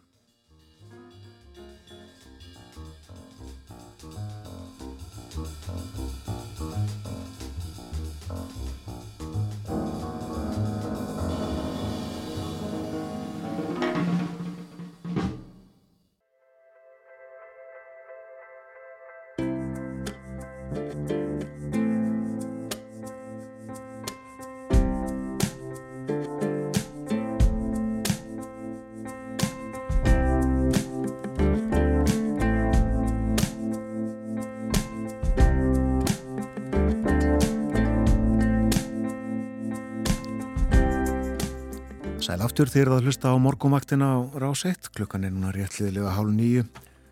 Við förum yfir veðurhorfur dagsins fyrir hlustendur sem voru að kveikja á tækjunum. Norðan og norðaustan 8 til 15 metrar á sekundu í dag. Úrkomu lítið vestanlands, annars rigning eða slitta með köplum, engum norðaustan til og þar má búast í snjókomu á heiðum. Heldur hægari vindur á morgun, fymtudag, lítilsáttar rigning á norður og austurlandi en þurft og bjart sunnalands. Og hitin 0 til 8 stig. Nú erum við komin í samband við Ólöfur Rún Erlendstóttur fréttamann á Akureyri. Góðan dag.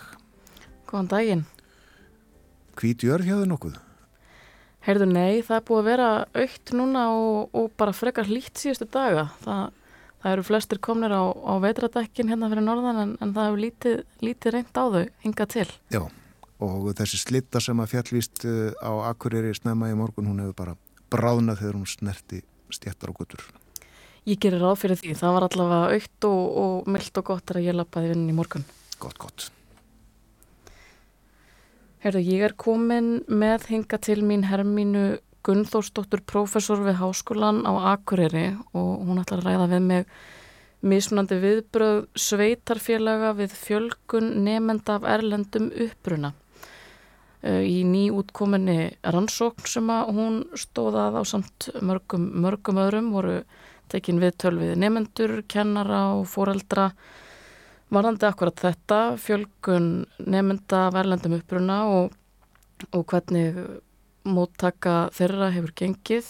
Það var margt áhugavert sem að þar kom fram. Velkomin, Hermína. Já, takk fyrir það.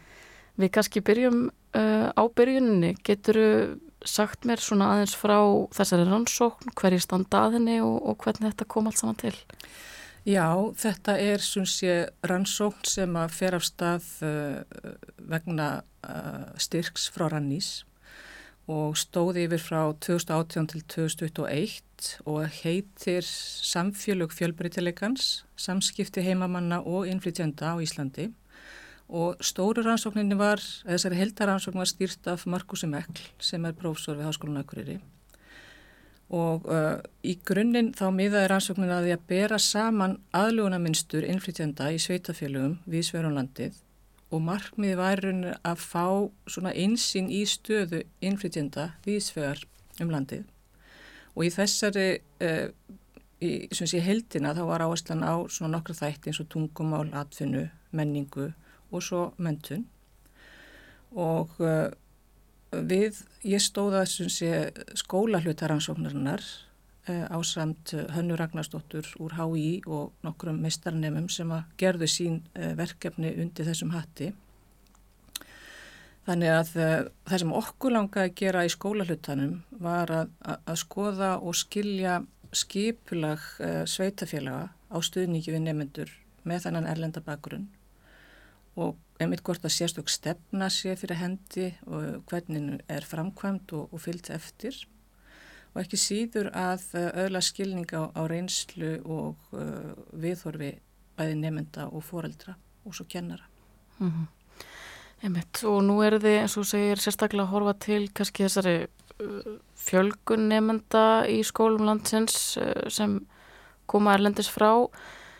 Getur þú sagt mér aðeins svona frá þessari þróun hversu mikil þessari fjölgun hefur verið og, og hvernig þetta hefur verið svona síðustu, síðustu ár? Já, eins og held ég ekki hafi farið fram hjá neinum þá hefur fjölga mjög hratt í þessum hópi uh, nú allra síðustu árum og uh, árið 2021 að þá var hlutfall nefnda sem að Hagstofan skilgreinir í rauninni með erlendan bakgrunn í grunnskólum komið í rúm 20% og ég held að sé eiginlega nær 22%. Það fer svolítið eftir í hvaða kategóriður uh, maður tekur saman hjá hagstofunni en, en þetta er svona, sé, svona talan sem við erum komin í og í sömum skólum er þetta auðvitað minna á sömum svæðum en líka það eru skólar þar sem þetta er í raunni markvælt meira og alltaf fjórðungur nefnda með elendan bakurinn og Og það segir sig svolítið sjálft að þetta er mjög mikil áskorun fyrir skóla og uh, kennara að uh, mæta námstörfum þessara nefnda. Þannig að vel sé. Mm. Já, nú er kannski sérstaklega áhugavert fyrir okkur sem erum hérna á landsbyðinni að, að þeir voru líka að horfa til mismuninu milli sveitarfélaga, smerri og starri og og maður svona gengur kannski út frá því að, að minni sveitarfélög hafi kannski fari verkfæri í, í töskuna og svo framvegis. Getur þú sagt mér aðeins hvernig, hvernig það kom út hvernig viðbröðinu voru mismunandi milli, milli sveitarfélaga? Já, við náttúrulega í þessum, þessum hluta rannsóknarnar þá voru við með í raunni svo kallega eiginlega rannsóknar sem vorum að taka við töl og uh, tókum í raunni bara fjögur sveitarfélög út úr þessum tólf sem að voru í heldar rannsókninni. En við skoðum þessi fjögur mjög ítalega og þau eru uh, viðsverðanlandið og í uh, uh, mismunandi stór og það kom í ljósað, eða kannski tvö þeirra voru svona frekka minni og tvö frekka stærri. Og við förum uh, bara út af uh, því hversu Íslandi er lítil og, lítil og auðvelt er að komast að ímsu að þá erum við ekkit að uh, lýsa þessum sveitafélugum mjög nákvæmlega bara varandi fjölda þeirra, eða fjölda íbúa. En það syns ég kom bara mjög skýrt í ljós að þó við værum bara með þessu fjögur að þá uh, voru í þessum litlu sveitafélögum, þá var svona varðla nokkur stefna til staðar sem hægt er að kalla stefnu og í öðru þeirra eru innflytjendur samt nálega því að vera 25% af íbúafjöldanum. Þannig að það hefði verið ástæða til sérstaklega En fjölmennasta sveitafélagið hafði bara mjög skýra stefnu og í rauninni svona verklag umfram uh, þau sem fámennari voru. Og þó svo að stefna uh, sé kannski engin trygging fyrir því að uh, framkvæmt og starfsættir séu uh, til fyrirmyndar að þá og skiptir að samt máli vegna þess að hún er rauninni grunnurinn að frekari vinnu inn í skólanum. Og í, það kom líka í ljós að í þessum hennu tveimur sveitufélunum sem að ekki höfðu þessa stefnu að þá áttu kennararnir líka erfiðara með að, að bregðast við og mæta þörfu nefnda. Það var svolítið skýr munur á því uh, sáum alveg mun uh, milli kennarana og í skólunum og svo það hvort það var stefna til staðar eða ekki. Mm. Þannig að það skiptir miklu máli mm -hmm. og það er í rauninni sko hefur verið svona hinn bara allra síðust árum mjög stert ákall og kom stert fram í okkar ansák stert ákall um að bæta þekkingu og, og mentun kennara engum í smarri eh, sveitafélum á landsbyðinni. Mm. Eitt af því sem að mér fannst svona sérstaklega áhugavert við eh, þessa vinnu ykkar var að þið tóku þessi ítalu viðtöl við kennara, fóreldra og, og nefndurna sjálfa. Nú er staðins búin að koma inn á, inn á svona upplifum kennarana en, en hinn er þættindir. Hver, hver var upplifun eins og fóreldrana og, og svo krakkana sjálfra? Já, mér langar aðeins að fókusa á, á nefndurna svo að hérna, ef ég skildi brenna út á tíma að ég tala um fóreldrana að því að það er svo mikilvægt að, að, að rattir fóreldra neða nefndana heyrist. Og uh, þessi krakkar sem við tölum við þau byggu í frekar litlu samfélagi og voru í raunni uh, á úlingastíði, miðu úlingastíði og það sem að var svo jákvæmt uh, í viðtölunum þau var að þau voru svo rosalega jákvæða hvert móðumálunu sínu og fannst mikilvægt að viðhalda því. Og uh, þau hefðu þetta jákvæða viðþorti skólans og áttu yfirleitt alltaf í góðu sambandi við uh, kennarna sína. En þau voru frekar óörug um sig í, með sig í kennslustofunni hvert náminu og þeim fannst svona erfitt að byggja um aðstóð og eiga frumkvæði að byggja um aðstóð og sögðust öll þurfa miklu meiri og markvísari stuðningi í náminu. Og það sem var líka svolítið skemmtilegt uh, eða áhugavert kannski öllu heldur að sjá að það sem þau eru að kalla eftir er í rauninni miklu meiri uh, virkni, samtal og læra í gegnum uh, samvinnu við aðra nefnendur og þau segja til dæmis við erum alltaf að gera einhver verkefni í námsbókunum í staðan fyrir að, að tala við nefnendur, samnefnendur okkar og læra með virkari hætti. Þannig að þau vilja ekki vera svona passíf eins og þau segjast vera og kalla stert eftir einhverjum svona uh, áhugaverðari leiðum til að læra málið og vera virkari í nefndahofnum. Mm. Og það var líka Þau voru svona sem er bara sammert með öðru rannsóknum sem hafa komið fram núna síðust ár uh, varandi þetta. Þau voru öll svona frekar tilbaka varandi fjáraslega þáttöku og dróðu sér frekar til í hlið svona eftir skóla. Fóru frekar heim og voru gerðnan eða oftar kannski uh, í samskiptu við uh, vini sína í, í heimalöndunum í gegnum tölvuna. Mm. Já, nú er þetta þessi hópur náttúrulega mjög fjölbreyttur og, og við erum að þarf að tala um nefnendur af verðlendum uppruna þetta er orðið stór hópur hér á landi og, og einstaklega fjölbreyttur er því sáuð eitthvað mun er það ekki á móttöku barna sem eru að koma að hinga til land sem flótamenn og, og svo annara barna, er það ekki rétt skiljið það mér?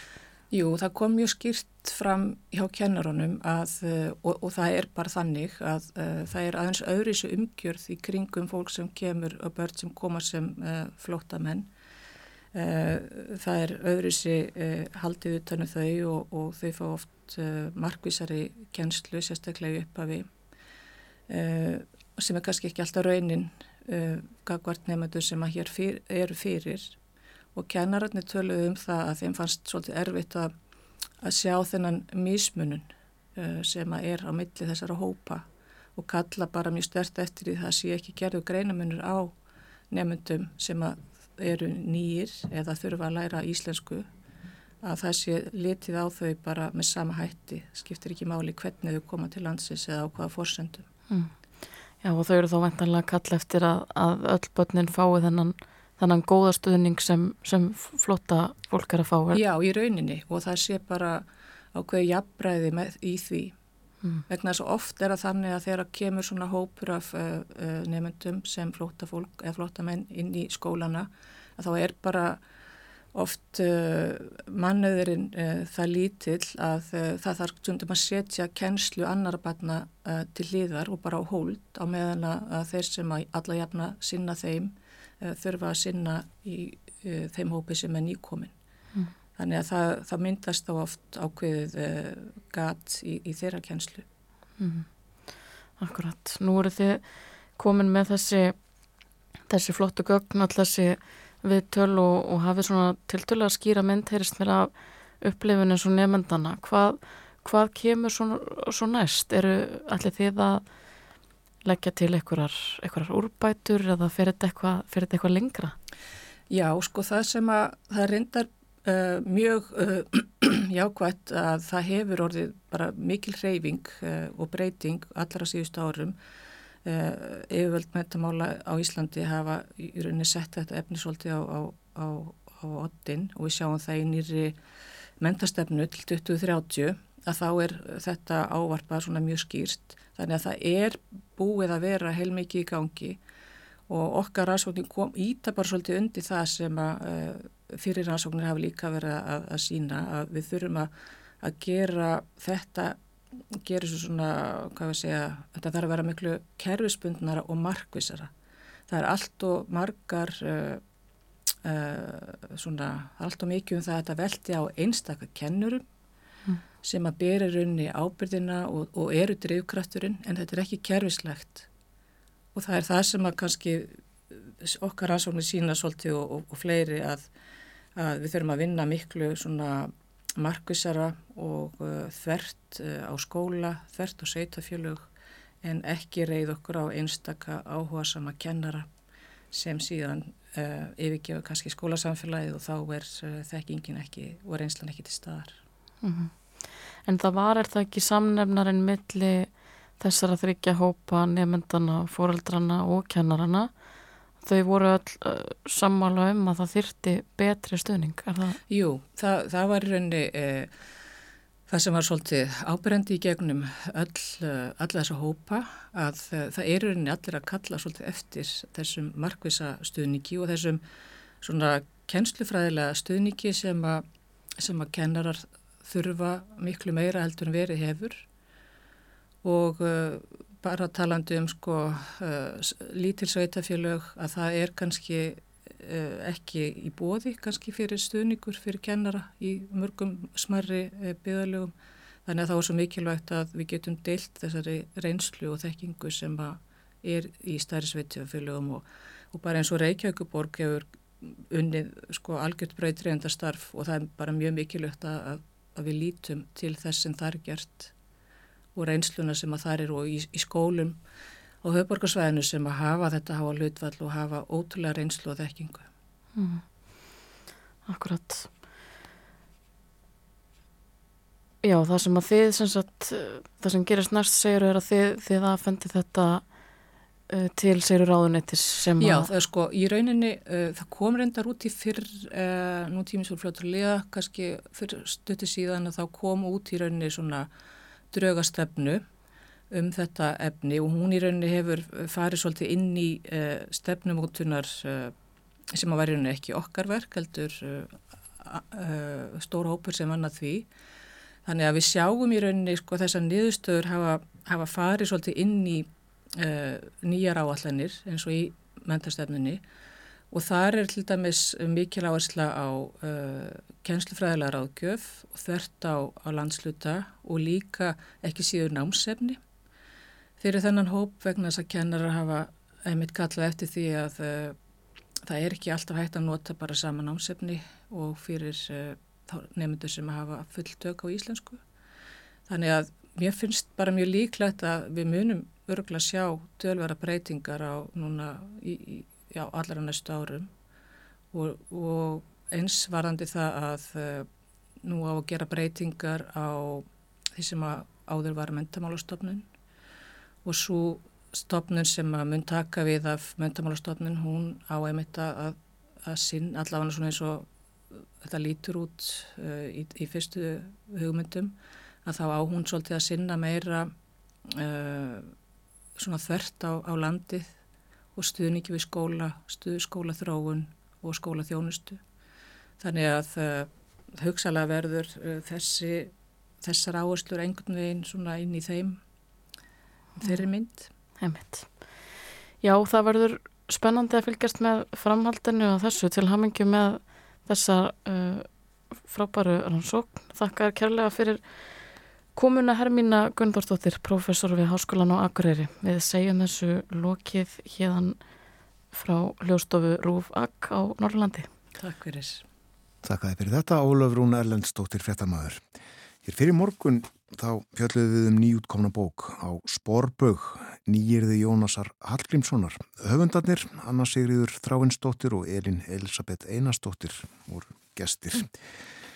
Og við spjöldluðum heilmikið um Jónas og orðin, nýjirðin og uh, gátum þess svona í framhjálöpi að hann var auðvitað skáld gott.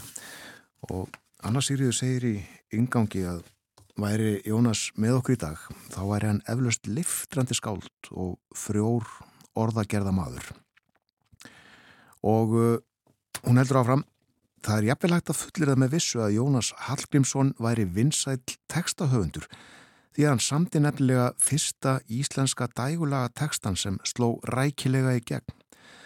Hann samti alls konar tækifæriskveðskap en þessi teksti varð bókstaflega frægur á einni nóttu. Íslenskur teksti við vinsælt erlend lag, Vísur Íslendinga, hvað er svo glatt. Það var frumflutt í góðu Íslendingahófi rétt utan við Kaupmannahöfn og hitti svo rækilega í mark hjá vislugestum að það var sungið visluna á enda og svo var haldið áfram að syngja í vögnunum sem að fluttuð á heim og söngurinn ómaði um götur borgarinnar um miðjanótt. Lægið hefði farið beint á topp vinsældalistana eða þeim hefði verið til að dreifa á 19. öld. Hlustum á vísur Íslendinga hvað er svo glatt og uh, flytjendur Tríó Björns Tóratsen og Andrea Gilvadóttir.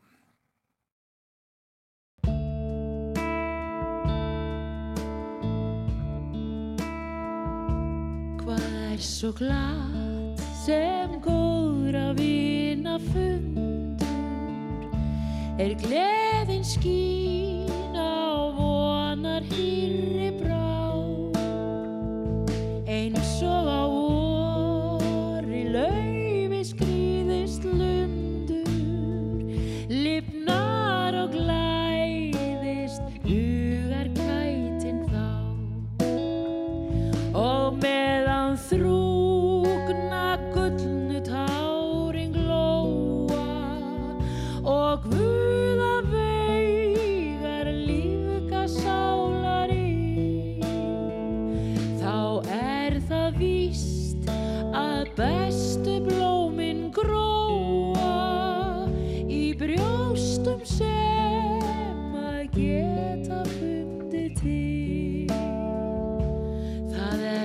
tæft að trúa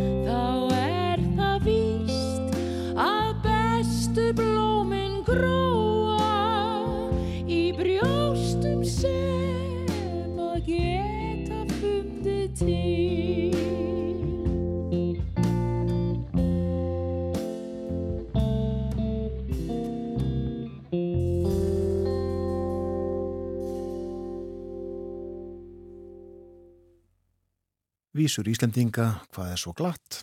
Hvaðið eftir Jónas Hallgrímsson, lægið Erlend, Andrea Gilvadóttir og Tríó Björns Tórótsen fluttu.